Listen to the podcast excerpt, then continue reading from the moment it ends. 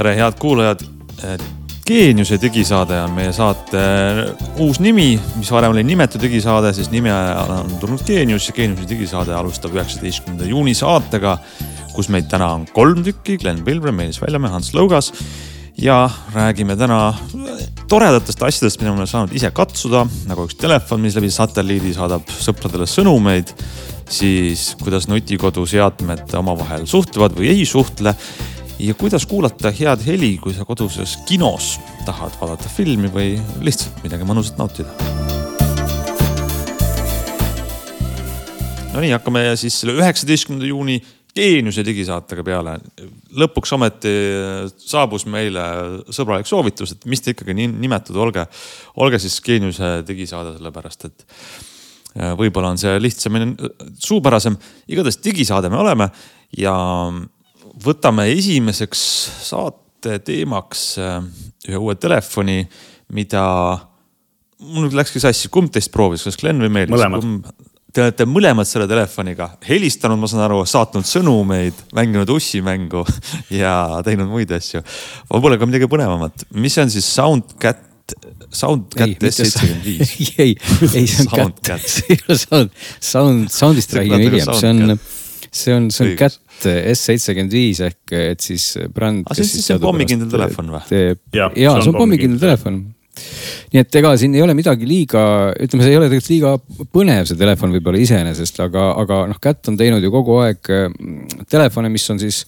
sellised, kuidas ma ütlen, väga vastupidavad, aga see-eest ega nad sisuliselt ei, noh, nad ütlevadki ise ka, nad ei saagi ja ei tahagi ju konkureerida siin mingite tipp iPhone idega tipp Samsungitega. aga pigem on see nende filosoofia see, et see telefon peaks olema siis sellise ehitusmehe ja ja muu tugeva mehe või miks mitte ka naise käes ikkagi võimalikult vastupidav, et sellest nagu see, kogu see filosoofia algab, aga sealjuures tõepoolest, kui need varemad, varasemad kätid ikkagi kippusid olema võib-olla veel sellised robustsemad, siis, siis tõepoolest nad on selle, selle uue telefoni ikkagi suutnud nagu teha nagu suhteliselt viisaka, et loomulikult ta ei ole, noh, ta ei ole veel päris nii õhuke, nagu on nagu nad siis äh, meil need super tipptelefonid, aga see-eest on ta ikkagi märkimisväärselt äh, tugev, et ta peaks kannatama, nagu nad ise väitsid äh, siin korduvat kukkumist, eks ole, ligi kahe meetri kõrguselt kusagile terasele või betoonile, ma ei tea, nad on vist sadu kordi seda loopinud ja, ja, ja ta tõesti ei lähe katki, eks ole, noh lisaks siis noh, loomulikult veekindluse pool, eks ole. et noh, põhimõtteliselt nagu vastupidavuselt ikkagi on ta hoopis teisest äh, klassist kui siis mis tahes äh, muud sellised noh, nii-öelda konkurentide tipptelefonid, ütleme nii. selles mõttes veekindluse pool on selline, et, et see telefon ei ole mitte lihtsalt veekindel selles mõttes, et kui teised telefonid on veekindlad, selles mõttes, et kui sa ta viskad kogemata kuskile kraanikaussi või, või ma ei tea, rannas siis ta on, tõenäoliselt jääb ellu. siis kätitelefon on selline, et seda esiteks tohib pesta seebi ja harjaga. teiseks tohib seda pesta voolikust tuleva surveveega. ehk siis, kui sa tõesti sul mudaaugus on, siis tuled ja lähed ja pesed selle vooliku puhtaks, eks ole. ehk siis see on nii tugev. lisaks ta ka, ka, eh, talub ekstreemseid temperatuure kuni seitsekümmend viis kraadi pluss ja kuni kolmkümmend kraadi miinust et ühesõnaga, ta on ikka tõsiselt, tõsiselt nagu selline väga-väga tugev telefon ja, ja nad ise ütlevad, et noh kelle jaoks see mõeldud on, nende nägemuses on. Esiteks on huvialadega tegelejad, kalamehed, purjetajad, suusatajad, kiirabi, päästeamet, politsei, eks ole, igasugused eh, nii-öelda NGO-d, kes käivad kuskil kriisikolletes inimesi aitamas, logistika eh, ruurar ehk siis igasugused eh, traktoristid, kombainijuhid, kes kuskile põllu peale telefoni peal maha kukutavad või kuhugi neid, noh, ühesõnaga, et nad on, ta on hästi tugev ja ainus telefon, mida mina olen näinud, millel on siis, eh, tal oleks nagu nagu sisse ehitatud selline tugev lisakorpus, mis on tegelikult siis nagu telefoni korpuse osa, et ta äär on ekraanist kõvasti kõrgem eespool mis tähendab seda, et kui ta kukub vastu, siis ekraan ei lähe vastu maad, eks ole. ja võib arvata, et teda on seepärast ebamugav kasutada. Tegelikult, kuna ta raamid on üsna suured võrreldes teiste telefonidega, siis tegelikult see, see üleval olev äär ei häiri, vaid seda saab nagu täitsa edukalt kasutada ja see ekraan on eh, LCD, et me oleme siin hästi palju näinud igasuguseid ehm, Oled ekraane ja oleme harjunud, et kõigil telefonidel tänapäeval on Oled, aga see on LCD ja see on tegelikult täiesti okeilt loetav LCD, et see, need värvid ja asjad minu arust, ma ei tea Glen, kas on nõus või ei ole, aga nagu täiesti, täiesti äh, sellised äh, head, et ekraani kvaliteet on korralik, full HD, eks ole. ja puhas Android ehk siis nagu sarnane Android, mida me leiame Motorola telefonidelt või Pixlitelt, et siis nagu täiesti Google'ilik. Ähm, mis on huvitav, on see, et siin tarkvaras on, menüüs on üks kaust, kus on hästi palju käti enda äppe või noh, siis ja lisaks mingid nii-öelda tööstusäppe või selliseid, mida saad, kus saad, ma ei tea, mõõta mingeid eh, maa-alasid ja asju. ja pooled neist ei tööta Eestis ja ülejäänud pooled eh, lihtsalt ei avane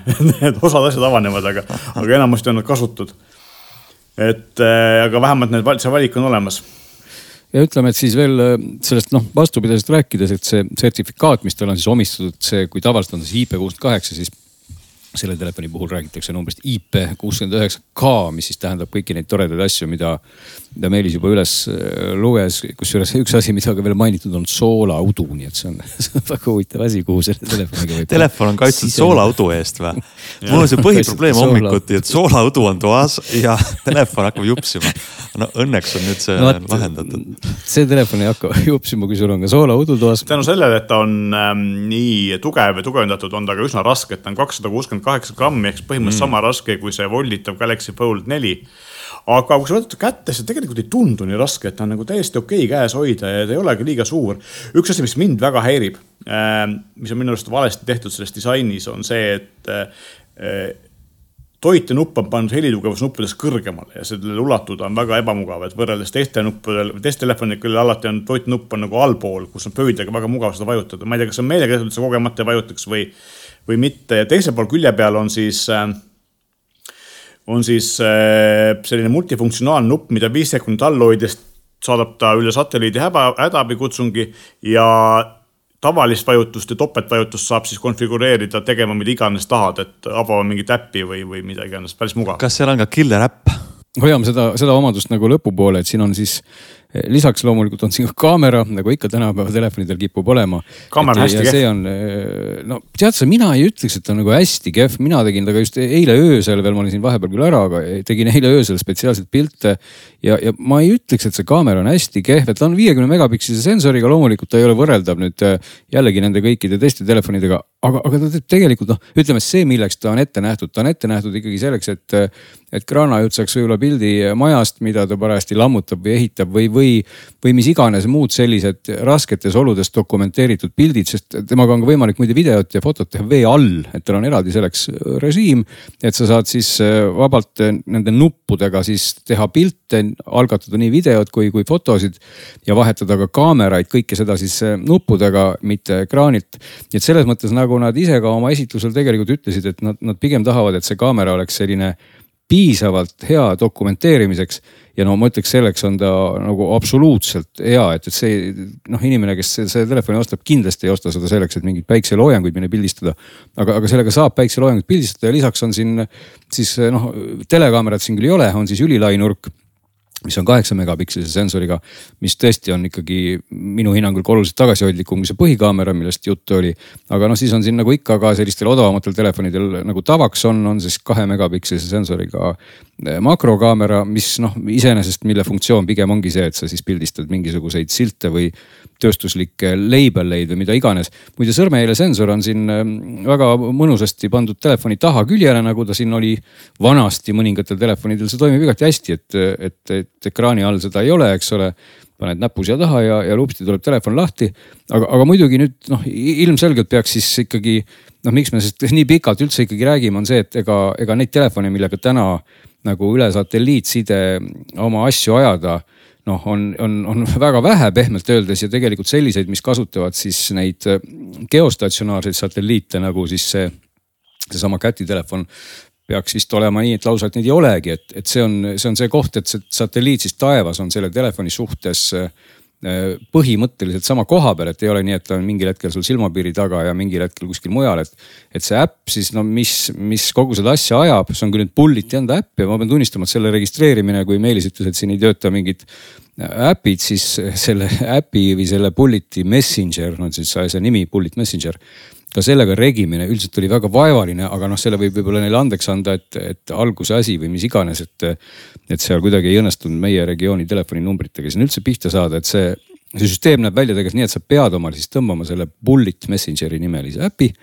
ja, ja siis läbi selle käib kogu see asja ajamine ja sealt äpist saad sa siis valida kas sul siis äh, sõnumid jooksevad kohale neti vahendusel või siis satelliidi vahendusel või siis automaatselt. ta nagu proovib loomulikult, kui on mingid muud kanalid olemas, siis ta kasutab neid, ta ei kasuta satelliiti. ja, ja kui sa läbi mingite muude kanalite neid sõnumeid saadad, siis ma saan ka nii aru, et need ei lähe sinu sellest nii-öelda satelliidisõnumite äh, kaustast maha, et muidu on seal need äh, paketid on erineva mahuga alates viiest eurost kuus. kus sa saad siis neid sõnumeid mingisuguse koguse, mis oli vist kolmkümmend oli selle viie euro eest, et tasuta saad sa saata ainult SOS sõnumit, eks ole, mis siis igal juhul üritab seda satelliidile pihta saada. aga mis see tähendab, SOS,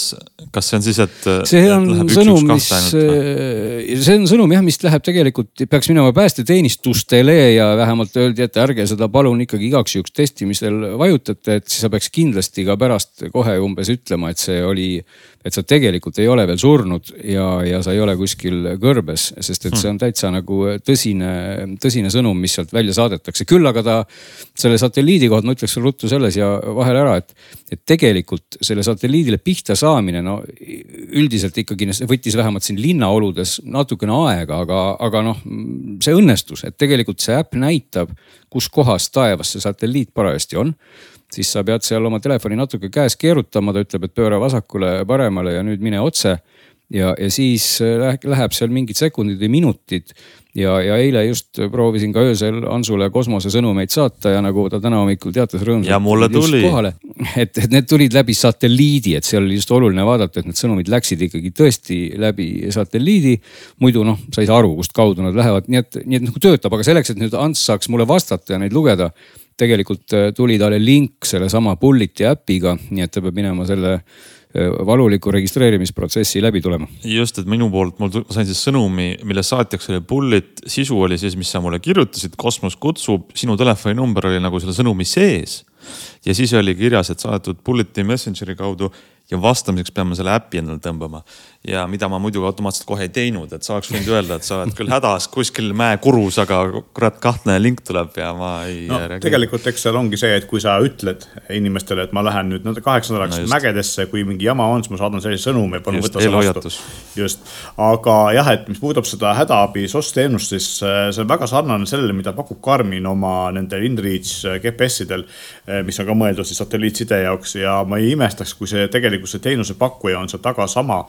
nimelt on siis seal ühendus äh, üle satelliidi sellise rahvusvahelise häirekeskusega, kus on vist toetatakse kakssada riiki ja, ja räägitakse ka peaaegu sadat keelt ja nemad siis annavad selle kohe edasi kohaliku riigi päästeteenistusele, kellega neil on otsekontaktid. ja sellepärast ka kõik jah, nagu Glen ütles, kõik ajakirjanikud hoiatati, et ärge jumala eest, kui teil päriselt ei ole hädas, ärge seda nuppu vajutage, sest et, et, et see päriselt töötab ja teil saadetaksegi päriselt helikopter järgi ja sel juhul te peate selle ise kinni maksma, kui tegelikult hädas ei ole, eks täna nad vist päris tervet planeeti veel ei luba, aga aasta lõpuks peaks olema see terve planeet, nii et kui te tõepoolest kusagil põhjanabal olete, siis ma saan aru, et vähemalt kätt lubab, et saab ühendust et, et seda me kahjuks muidugi testida ei saanud. ja, ja siis neil on vastavalt selle, selle satelliidi kasutamiseks on see erinevad paketid, et noh, kui sa tahad tõesti Just. lihtsalt hädaabisignaali saata, siis kolmkümmend sõnumit eh, kuus saad sa saata viie euro eest, eks ole, ja kui sa tahad rohkem saata, siis kakssada viiskümmend sõnumit aastas on kuuskümmend eh, kuuskümmend eurot kuus, eks ole, ja nii edasi, et siin, siin läheb neid, neid suuremaks, et üks kõige kallim on kolmsada sõnumit kuus ja, ja see on kolmkümmend eurot kuus ja veel võib-olla lõpus siis kaks rida tehnilisi andmeid veel öelda ära, et, et noh, aku on tavaline viis tuhat milliamper tundi, muidugi kestab kaua, sest et ka see telefon pilte taga väga ei tee ja, ja mingeid videosid vist hullupööra ei vaata, et paar päeva võiks ta vabalt vastu pidada, saab kiirlaadijaga muide laadida. viieteist vatine nagu ikka, nii et mitte kiirlaadija, vaid siis juhtmevaba tahtsin ma öelda, parandan ennast, et juhtmevaba laadija on olemas ja, ja ja nii et selles mõttes ei ole nagu, kuidas ma ütlen, et kui vanasti võib-olla need Bulleti telefonid või Käti telefonid kippusidki olema sellised nagu eriti nigelad nagu oma olemuselt, siis noh, siin küll ma ütleks, et võib-olla selline täiesti korralik kuuekümne kuue protsendiline telefon on see, et, et ei ole üldse väga hull, arvestades kõiki neid muid asju. täiesti mõistlik telefon, loomulikult on üsna kallis, ta maksab kuussada eurot ja, ja ta noh, kellelegi ei soovitaks seda osta tavalise telefoni asemel, kui sul seda väga vaja ei ole. aga nendele inimestele, kellel sellist telefoni on vaja, et kellel on vaja tõesti telefoni, mis peaks vastu väga karmides tingimustes ja kes tahaksid siis olla tõesti kuskil mägedes ja häda korral või ka mitte häda korral lähedastega ühendust hoida. seal, kus mobiilsidet ei ole, on see nagu väga mõistlik lahendus, et tegelikult äh, parim kätitelefon, mida Cat siiamaani teinud on ja see satelliittugi on nüüd nagu täiesti uus asi, mis on sinna lisandunud, nii et väga-väga äh, okei okay., et. et nišitelefon, aga nendele nišis olevatele inimestele kindel soovituseks. noh, tegelikult on ka see, et, et Bullit teeb ka siis seda Motorola vidinat, et sama teenus on ka selle peal, kui sul on olemas telefon ja sul ei ole kuskil karmides tingimustes, siis tegelikult saad sa osta sellise taskusse pandava või käekoti külge kinnitatava, seljakoti külge kinnitatava eh, vidina, mis selle satelliiditeenuse ära eh, ka nagu ilma, ilma telefonita töötab, eks ole, maksab sada eurot see vidin või sada viiskümmend, praegu peast ei mäleta. et tegelikult on ka teisi, teisi alternatiive, mis on sellesama tootja tehtud, kes seda kätitelefoni toodab. aga kui sul on vaja nagu tugevat telefoni, kus on kas satelliiditeema sees või lihtsalt tugevat telefoni hoolimata satelliiditeenusest, siis see ei ole nagu kohustuslik, sa ei pea seda kasutama, kui sa ei taha, eks ole. et kui sa ei kasuta, siis kuumaks ei maksa. et äh, sel juhul on see telefon jah, igati mõistlik. nii on äh, vaatame edasi ja räägime võib-olla korraks äh, Google'i Assistant'i toest. ma saan aru, et Google'i Assistant on noh, Google'is nii-öelda nutikodu, mitte nutikodu, üldse abiline. aga viimasel ajal see Assistant'i nutikodu pool on ikkagi saanud kõvasti kriitikat, kuna Google on sealt osa asju lihtsalt kinni keeranud ja äpid tõmbavad oma toe sellest välja, mis, mis on nagu halb. kas sa, Meelis, tead, mis see põhjus täpsemalt on? no mina olen aru saanud niimoodi, ma ei ole kindel, kui õigesti ma olen aru saanud, et Google üritab nagu ehitada seda assistant'i rohkem nagu Androidi sisse ja vanasti oli ta nagu selline eraldiseisev asi. ja siis igasugused äh, või Google Assistant'i äpi sisse siis iOS-i peal, eks ole, või Google Home'i äpi sisse tegelikult. ja, ja vanasti oli ta selline eraldiseisev asi, et, et siis äh, nutikoduseadme tootjad said nagu selle Assistant'i osa nagu e eraldiseisvalt oma mingitesse asjadesse integreerida ja vot see osa pannakse kinni. ja sellest anti teada juba aasta tagasi ja aasta oli siis erinevatel arendajatel aega eh, muuta oma, kuidas see hääljuhtimine nendes seadmetes käib ja noh, ilmselgelt väga paljud ei ole seda teinud, sest et nad arvavad, et see ei ole piisavalt oluline või on see piisavalt suur kulu ja nagu me teame, et siis nagu väiksemad sellised eh, nutikoduseadmete tootjad lihtsalt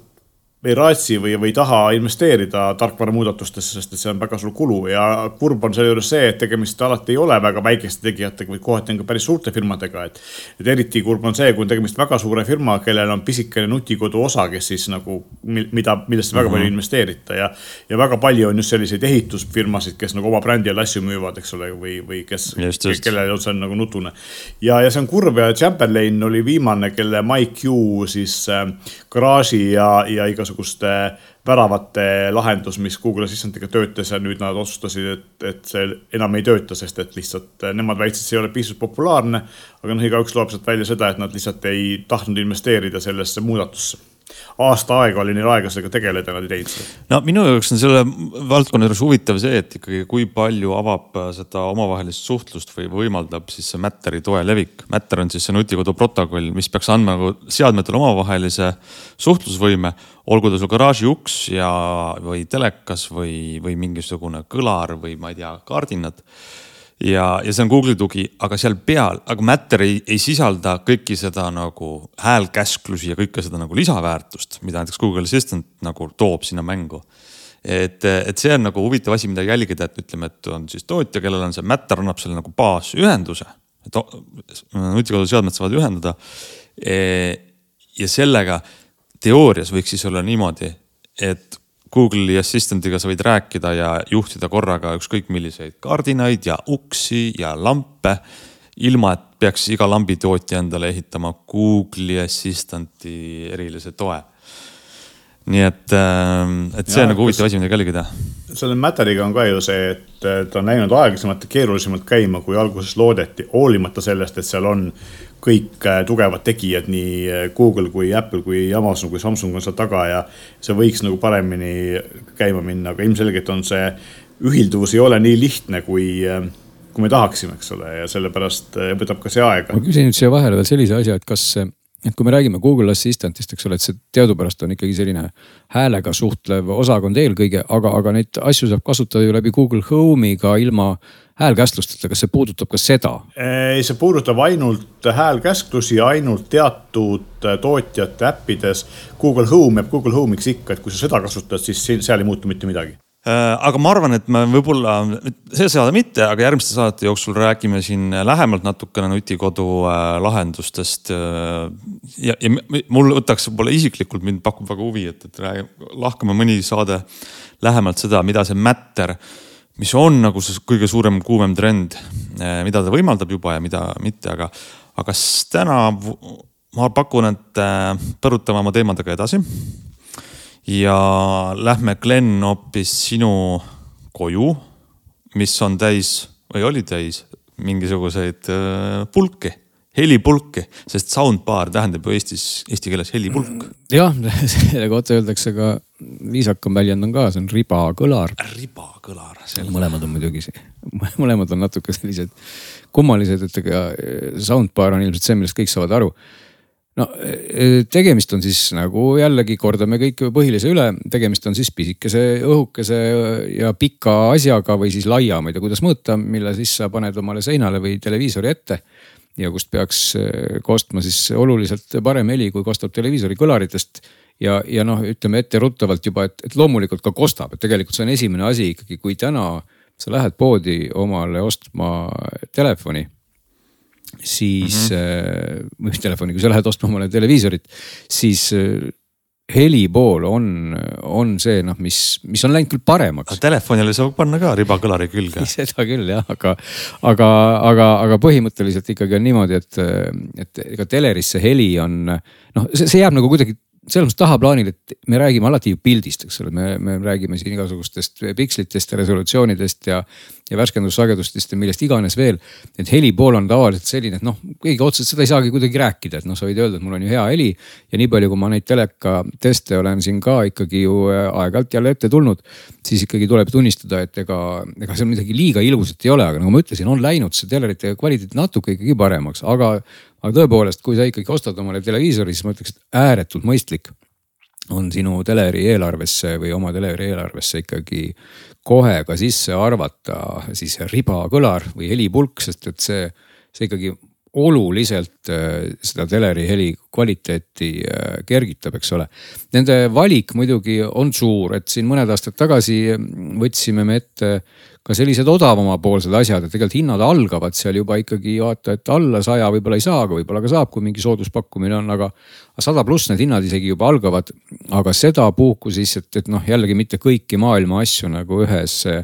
ühes toas ja ühes ülevaates võrrelda. panime siis sellise keskmise ikkagi kvalit-, kvaliteedi hinnapiiriks, ütleme siis viissada kuni tuhat eurot. mis on ikkagi noh, ei ole siis need kõige odavamad, eks ole, ja kust jäid ka välja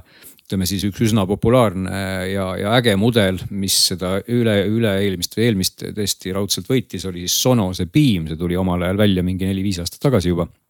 et seesama Beam kaks on siin vahepeal saanud uuenduse, number kaks tähendab seda, et see sinna võrdlusesse näiteks sisse meil lihtsalt hinna poolest ei, ei paigutunud, sest et see jääks, no jääks napilt alla viiesaja euro, et ikkagi aga, sinna läksid aga... kallimad soundbar'id. Sonos oli siis kallimatest, seal Sonos Arc on siis selline, mis maksab äh, üks euro alla tuhande, kui me just soodushinnast ei räägi. aga, aga ma küsin sult korra selle hin, hin, hinnaklassi kohta vahele ikkagi, et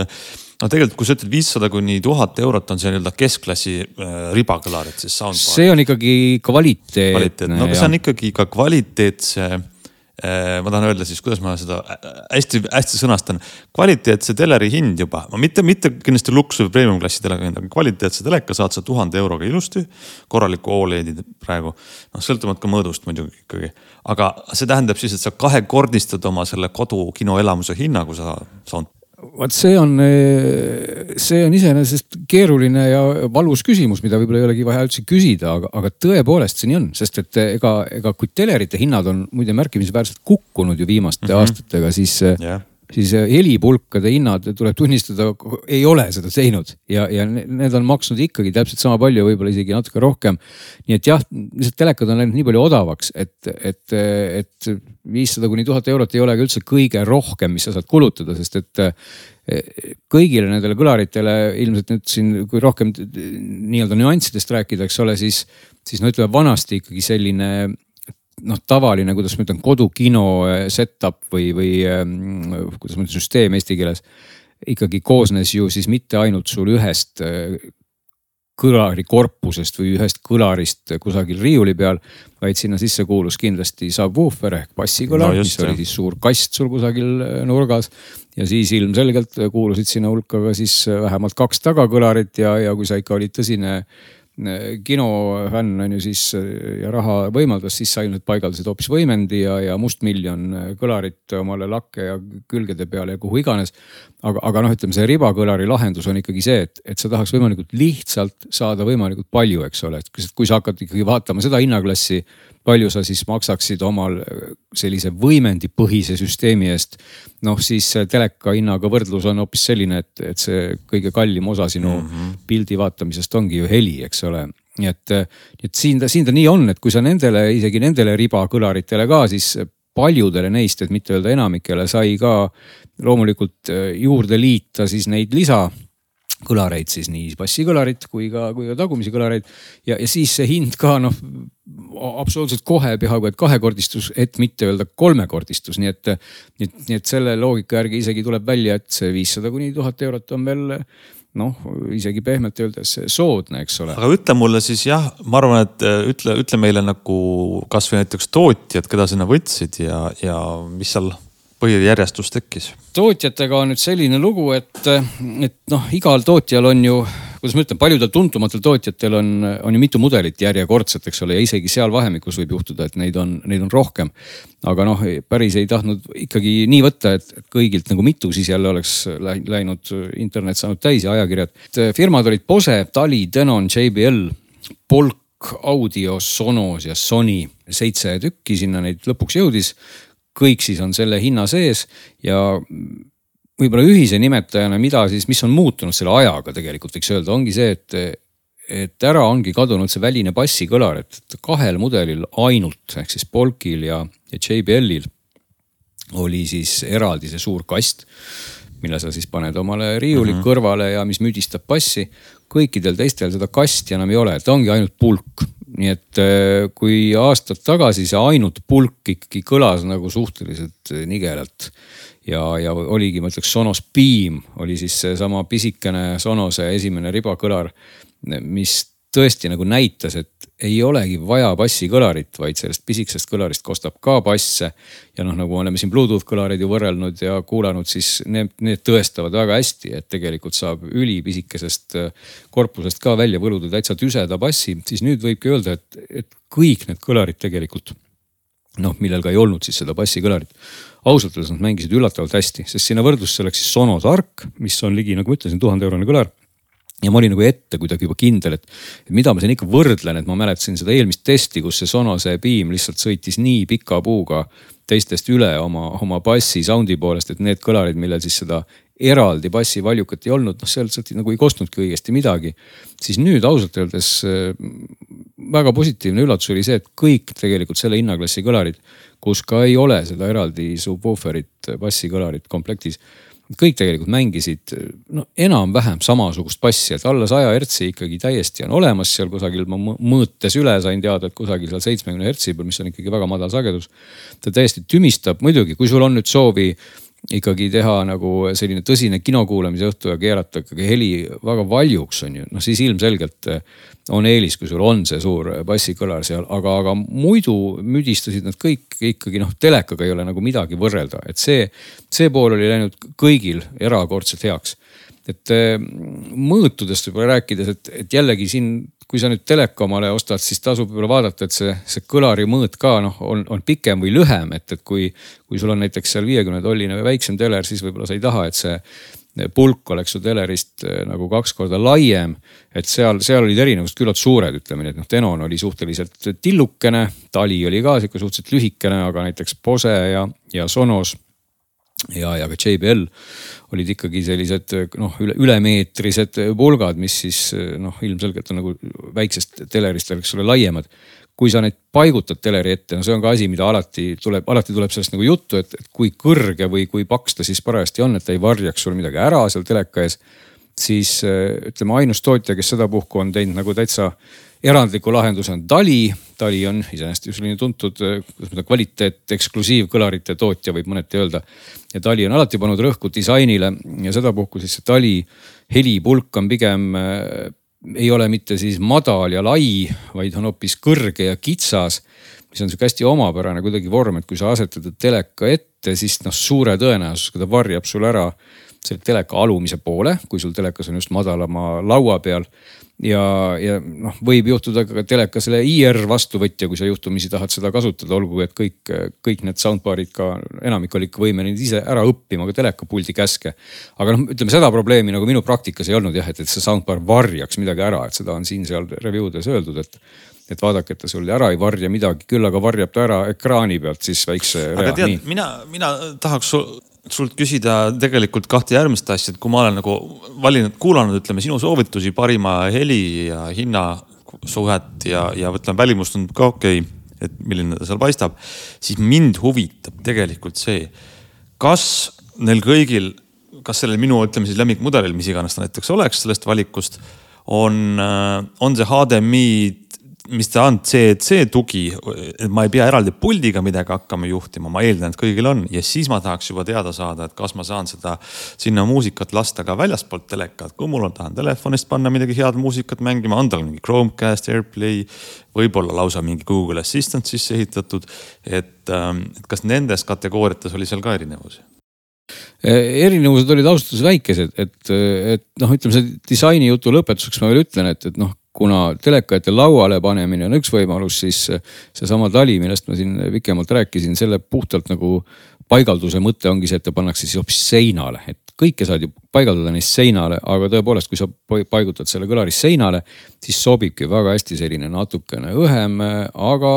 pikem või, või noh, ütleme vertikaalsem disain, sest et siis ta ei jää ju seinast eemale, jääbki sinna peale. et kõik teised kõlarid nagu pigem sobitusid lauale kui sa nüüd küsid jah, selle muude ühendusvõimaluste kohta, siis tegelikult põhimõtteliselt on need olemas äh, praktiliselt kõigil ehk et see juhtmevaba ühendus, sinna siis saad noh ka Bluetooth äh, enamikul. ja, ja saad siis vabalt äh, striimingu teenustest sinna asju lasta. noh, enamasti on seal toetatud siis täpselt nagu sa ütlesid ka Spotify, eks ole, Google Chromecasti tugi, Apple AirPlay et tegelikult see juhtmevabandus, vabaduse, juhtmevabanduse pool on, on, on täiesti olemas, et, et seal noh ja hääleassistanti koha pealt ka äh, on küll tõesti erinevusi, et kellel on seal Alexa ja, ja noh, kellel on Google'i tugi, on see olemas. nii et, nii et selle, selles mõttes on nad üsna, üsna sarnased, et, et, tõsi, võib-olla mida peab ütlema, on see, et, et noh, Sonos võib-olla eristub teistest kõige rohkem, ka Tenon siis võib-olla nagu teisel kohal just selle e-, eriti sellise konfigureeritava äpinduse poolest, sest et noh, teadupärast Sonose kõlarid ju kõik ikkagi on alguse saanud sellest multiroom äh, nagu süsteemist ja, ja ei ole ka Sonose soundbar'id ju mingi erand, et tegelikult, kui sa ostad omale Sonose kõlari, ükskõik, on ta siis helipulk või mis tahes muu kõlar, siis noh, esimene asi tegelikult ongi see, et sa ikkagi ühendad ta oma selle koduse äh, süsteemiga, et ta ei ole nagu iseseisev üksus, vaid pigem kohe siis sulandub sinna sisse, paned talle mingisugused toanimed ja kõik muud asjad. ja kui sa tahad sinna siis külge panna mingeid muid Sonose kõlareid, näiteks tagumisi kõlareid või, või bassikõlari, siis ka seda saad sa läbi sellesama äpi teha, et, et noh, vaieldamatult Sonose puhul see selline multifunktsionaalsus on ikkagi nagu ülivõrdes suur, eks ole, mis puudutab ka siis kõikvõimalikke striimingu teenuseid ja, ja noh, mida iganes, eks ole. ka Denoni puhul, Denon on siis Heos, on see Denoni Heos või kuidas seda nüüd õigesti öelda. on ka Denonil see multiruumi äh, kontsept või standard ja, ja ka Denon on selle koha pealt väga, väga palju nagu vajutanud kiirendipedaali, et see on ka Denonil täide, täiesti okei okay,, et noh, aga, aga loomulikult need süsteemid siis noh, igal tootjal on ta erinev, nii et sa peadki sellise pilguga ringi vaatama, et ilmselt see inimene, kellel juba Denoni kraami on ja teab, mis asi on see HEOS, siis, siis noh, ta, ta valibki võib-olla Denoni kõlari. et teiste kõlarite puhul seda noh, multiroom toe osas kuidas ma ütlen, et, et see ei ole nagu primaarne, et sa saad küll ühendada külge paljudele siis neid tagakõlareid juhtmevabalt. selles mõttes, et, et sa noh, toitjajuhe peab loomulikult olema. Aga, aga noh, veel erandiks siinkohal on muidugi JBL, kui ma just toitjajuhet mainisin, et JBL on tegelikult juba aastaid ju oma eh, helipulkadele teinud sellist eh, üsna nutikat disaini, et, et siis need kaks tagumist kõlarit või, või kuidas ma ütlen siis surround kõlarid et need on, on selle soundbar'i otstes, seal on siis aku, aku peab vastu umbes kümme tundi kõlamist, filmi vaatamist ja sa saad, need on magnetiga seal kinni. nii et kui sa vaatad Aktuaalset kaamerat, siis sa võib-olla ei taha mingit äh, taga, tagakaja tagumist surround'i kuulata, aga kui sa hakkad filmi vaatama, siis sa plõtsad need kõlarid sealt küljest ära ja tõstad siis sinna, kus sa tahad ja sa ei no põrandal võib-olla ei olegi hea point või hea mõte, aga sa paned nad näiteks mm. omale kuskile diivani taha riiulile või, või kasvõi diivani peale, ükskõik kuhu sa need paned, sest nad on siis ju täiesti juhtmevabad. diivani käepidemete peale. näiteks, eks ole, seal ei ole ju ei siis toitejuhet ega ka mingit ühendusjuhet ja noh, JBL-i soundbar'i mudel sedapuhku oli üheksa punkt üks, mis, mis teoreetiliselt tegelikult tähendab seda, et nendes ka nendes tagumistes kõlarites siis on on lausa kaks, kaks elementi, kaks valjuhääldit, üks on siis suunatud küljele, üks on suunatud ülesse mis peaks nagu siis tekitama eriti immersiivse, ma ei tea, kui sihuke sõna on eesti keeles, kinoheli, mis peaks ka siis laest peegelduma. nii et, aga, aga sa võid ka JBL-i puhul need kõlarid muidugi noh ühendada toitega, seal on mikro USB toide. nii et tegelikult isegi JBL-i komplektis tulevad kohe siuksed seinakinnitused ja isegi mingid otsikud, mis sa saad panna sinna soundbar'i otstesse, et et kui sa need kõlarid sealt siis nagu jäädavalt ära ühendad või ära võtad, siis sa saad panna oma need katted sinna peale. ja, ja siis viid oma mikro USB kaabli siis kusagilt sinna seinakõlariteni. nii et sul on nagu võimalus siis ka see süsteem nagu jättagi niimoodi, eks ole, et teine soundbar, kellel ka olid needsamad äh, tagakõlarid olemas ja siis ka bassikõlar oli polk. aga, aga polki puhul siis ikkagi nõuavad nad eraldi toidet ja nad ei ole mingid magnetiga äh, klõpsatavad, et kõigil teistel siis äh, koosnes kogu see kõlar ikkagi sellest ühest pulgast. aga, aga muidugi sellest peaks ka ilmselt paar sõna rääkima, et, et kuidas see heli sealt nüüd kostab ja, ja kui hästi siis sinna, sinna pulkadesse on sisse mahutatud uh -huh. see mm, selline surround või siis ütleme ikkagi tuba täitev heli ja või, või tegelikult ütle siis välja, kas Sonos on parim või on keegi saab teile neile vastu ka heli mõttes? See on kiirtee siis selle, selle nagu lõpptulemuseni. no ja saab küll vastu, selles mõttes, kui sa nüüd niimoodi küsid, siis ongi väga lihtne ja keeruline vastus on see, et, et kindlasti ei saa nüüd ainult heli põhjal ei saa kindlasti neid enam üldse väga kergesti panna ritta, et noh, Sonose plussiks oli nagu ma ütlesin just see võib-olla see äpindus ja kogu see ühil, ühilduvus selle multiruumiga. et selle koha pealt on Sonos endiselt noh, ta on lihtsalt see standardi nii kõvasti paika pannud ja seal ei olegi midagi üldse rääkida. aga, aga heli mõttes on, on erinevused pigem nagu pigem nagu marginaalsed, et ütleme, enamikul nendest kõlaritest on neid elemente loomulikult äh, ju hulgi selles ühe kõlari korpuse sees on, on neid elemente seal vaata et kümmekond, eks ole, mõnel isegi rohkem, mõnel natukene vähem.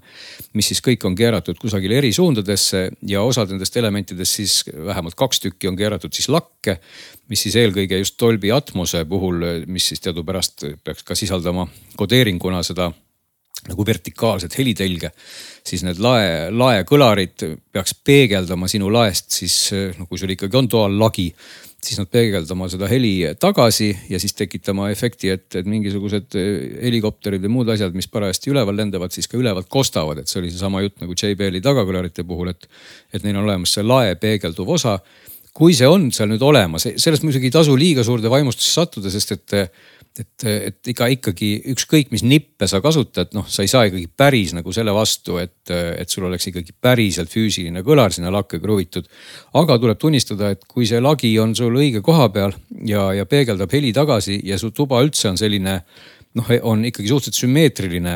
ja, ja ei summuta võib-olla liiga hästi siis neid kõikvõimalikke peegeldusi, siis tegelikult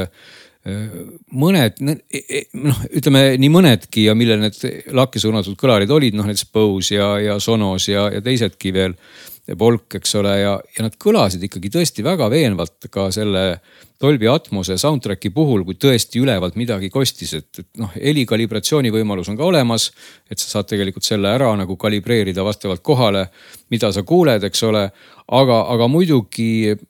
teisalt ikkagi helirežiimi kohtade koha pealt võib alati öelda, et ega need laiendused on natuke nagu nad on, et sa võid neid kasutada, noh, seal on neid režiime olenevalt mudelist ka ju mitu, eks ole, et mis siis tõmbab sul filmiheli laiemaks ja, ja kitsamaks, eks nad teevad selliseid faasitrikke ja muid asju, et kui, kui sa istud nagu seal teleka ees selle ideaalse koha peal siis tegelikult võib, võib olla see tulemus nagu üllatavalt hea, eks ole, aga teisalt, kui sa lähed natuke kusagile külje peale, siis see peegeldus võib-olla sinuni ei jõua kui lihtne seda ideaalset kohta valida on, et kas sa pead kalibreerima neid kõlareid kõiki? näiteks Bose'i puhul on kaasas eraldi selline mõõtemikrofon, mis siis saad selle, ütle, ütleb sulle, see mõõtemikrofon on päris kummaline käevõru või peavõru. paned selle omale pähe ja siis seal keskel on selline mikrofon ja siis palutakse sul istuda siis ühe koha peal, teise koha peal ja kolmanda koha peal. ja siis ta vastavalt sellele teeb neid mm, nii-öelda sagedussweep'e või erineva sagedusega hääli, laseb sul toast ja mõõdab neid peegeldusi. no nii, nii ja naa, ütleme Sonose puhul annab see võib-olla kõige rohkem isegi efekti, et Sonose puhul teadupärast on see olnud juba ammu see ruumi kalibratsioon. Sonosel on siis selleks vaja kindlasti iOS seadet, et, et, et sa ei saa seda teha Android seadmega, mis on noh, mõnes mõttes arusaadav, sest et eh, vaja on, et see mõõtemikrofonil oleks mingisugune teatav kvaliteedi eh, või, või noh, standard olemas ja kuna Android seadmeid on lihtsalt nii, niivõrd palju, siis seda on ei saa ju kunagi kindel olla, millega sa mõõdad, sa saad siis iOS seadmetega mõõta. Sonose puhul muutub küll see heli selliseks äh, noh, ikkagi säravamaks, bassisemaks. Bose puhul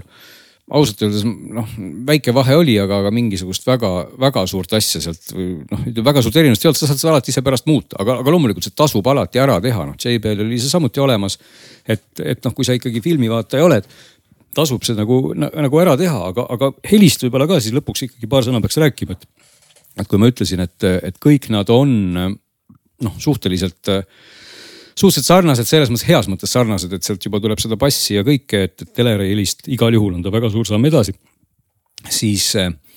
võib-olla erinevus natuke ongi selle koha peal ka, et, eh, et noh, mida sa parajasti telekast vaatad, et kas sa oled rohkem selline jutusaadete vaataja või, või oled tõesti selline, tahad sealt eh, välku ja pauku vaadata ja mingeid filme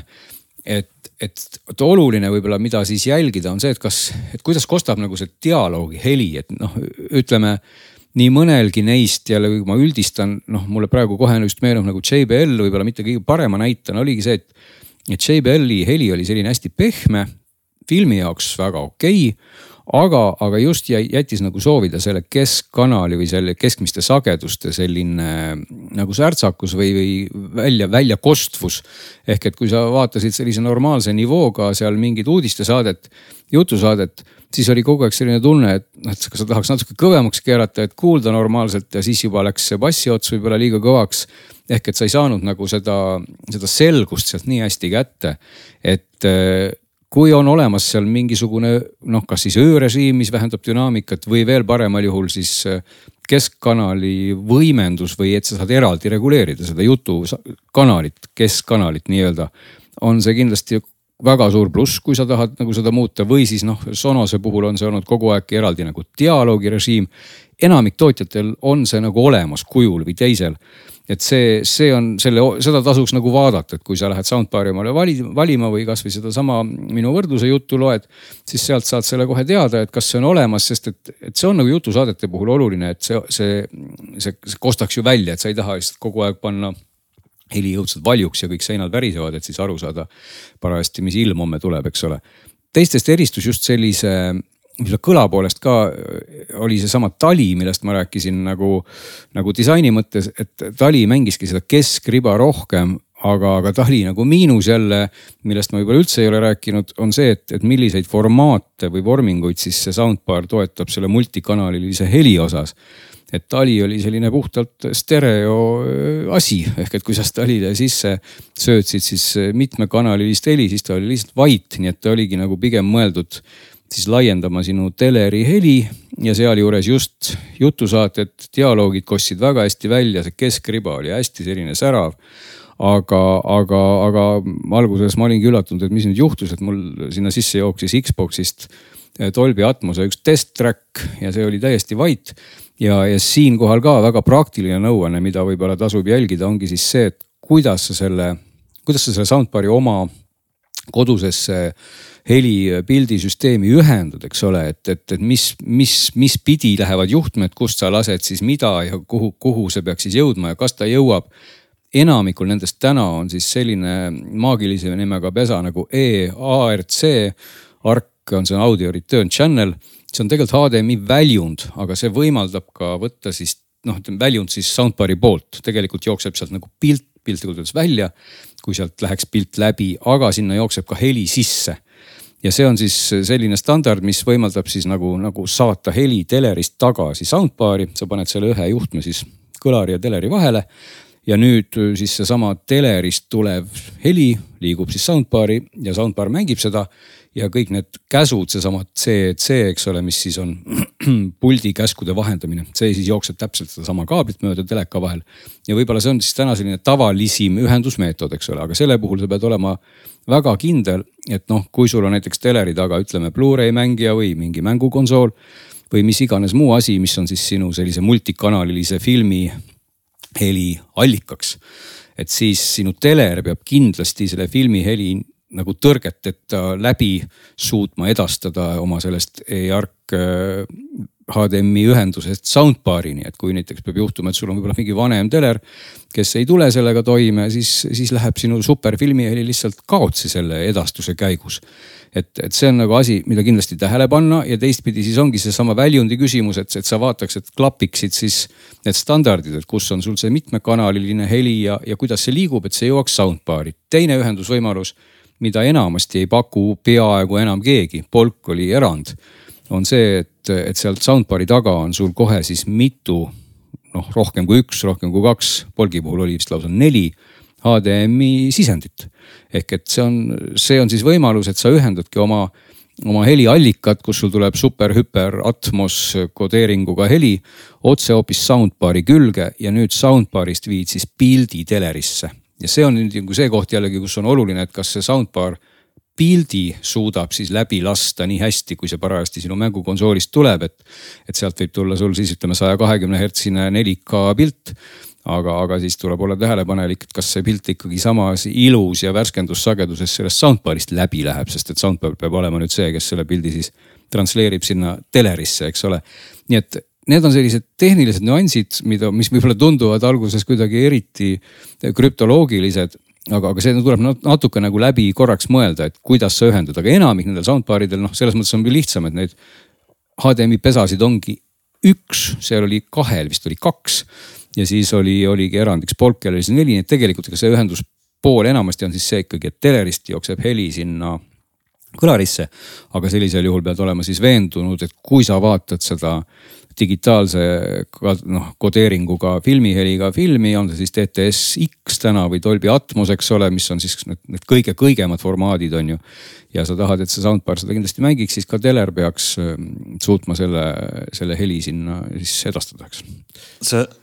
see tähendab siis tegelikult, et kõigil ollikindlam on ikkagi vaadata, kas su telekal taga on mõni HDMI pesa ark või e-ark äh, sildiga, mis siis ütleb, annab selle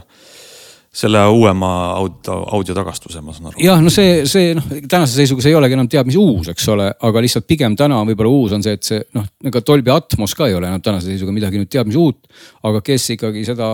teab, et ta seda tahab, siis, siis tasub seda lihtsalt tähele panna. et ei juhtuks nii, et sul jääb, jääb sinu superseadme omadused lihtsalt sellise hooletusvea tõttu kuidagi kasutamata või sa ei, või sa ei, sa ei kuule seda, mis sa sealt tahaks kuulda. aga nüüd, kui jah, ütleme tõmmata see ots veel kokku, seitse tükki neid oli, nad kõlasid kõik suhteliselt hästi, enamikul oli neil seesama multikanalilise filmi tugi ka olemas, striimida sai ka kenasti. et eh,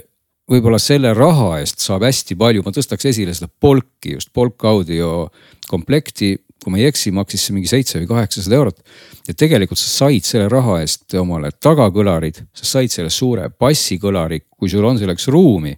siis tegelikult selle raha eest saada selline komplekt, see mind selles mõttes ikkagi üllatas, et okei okay,, ta on suurem, eks ole, aga noh. ostad omale Sonose või, või Bose, ta on küll ilus, pisike, õhuke, väike. aga kui sa tahad sinna juurde panna tagakõlareid või, või bassikõlarit, siis sa maksad kaks korda veel nii palju ja, ja võib-olla sa ei saa sugugi nii palju paremat heli, et see, et see Polki komplekt tegelikult oli nagu üllatavalt veenev, et sa saad selle raha eest nii ägeda asja. ja kui sa tahad täna panna soundbar'ile külge tagakõla või ütleme lisakõlareid, siis veel, kui ma paar aastat tagasi oleks öelnud, et, et pane kindlasti bassikõlar, sest et see on nagu esimene asi, mida sellest väiksest kõlarist ei kuule siis täna pigem oleks see, et, et, et kui on raha, siis pigem pane sinna juurde need tagumised,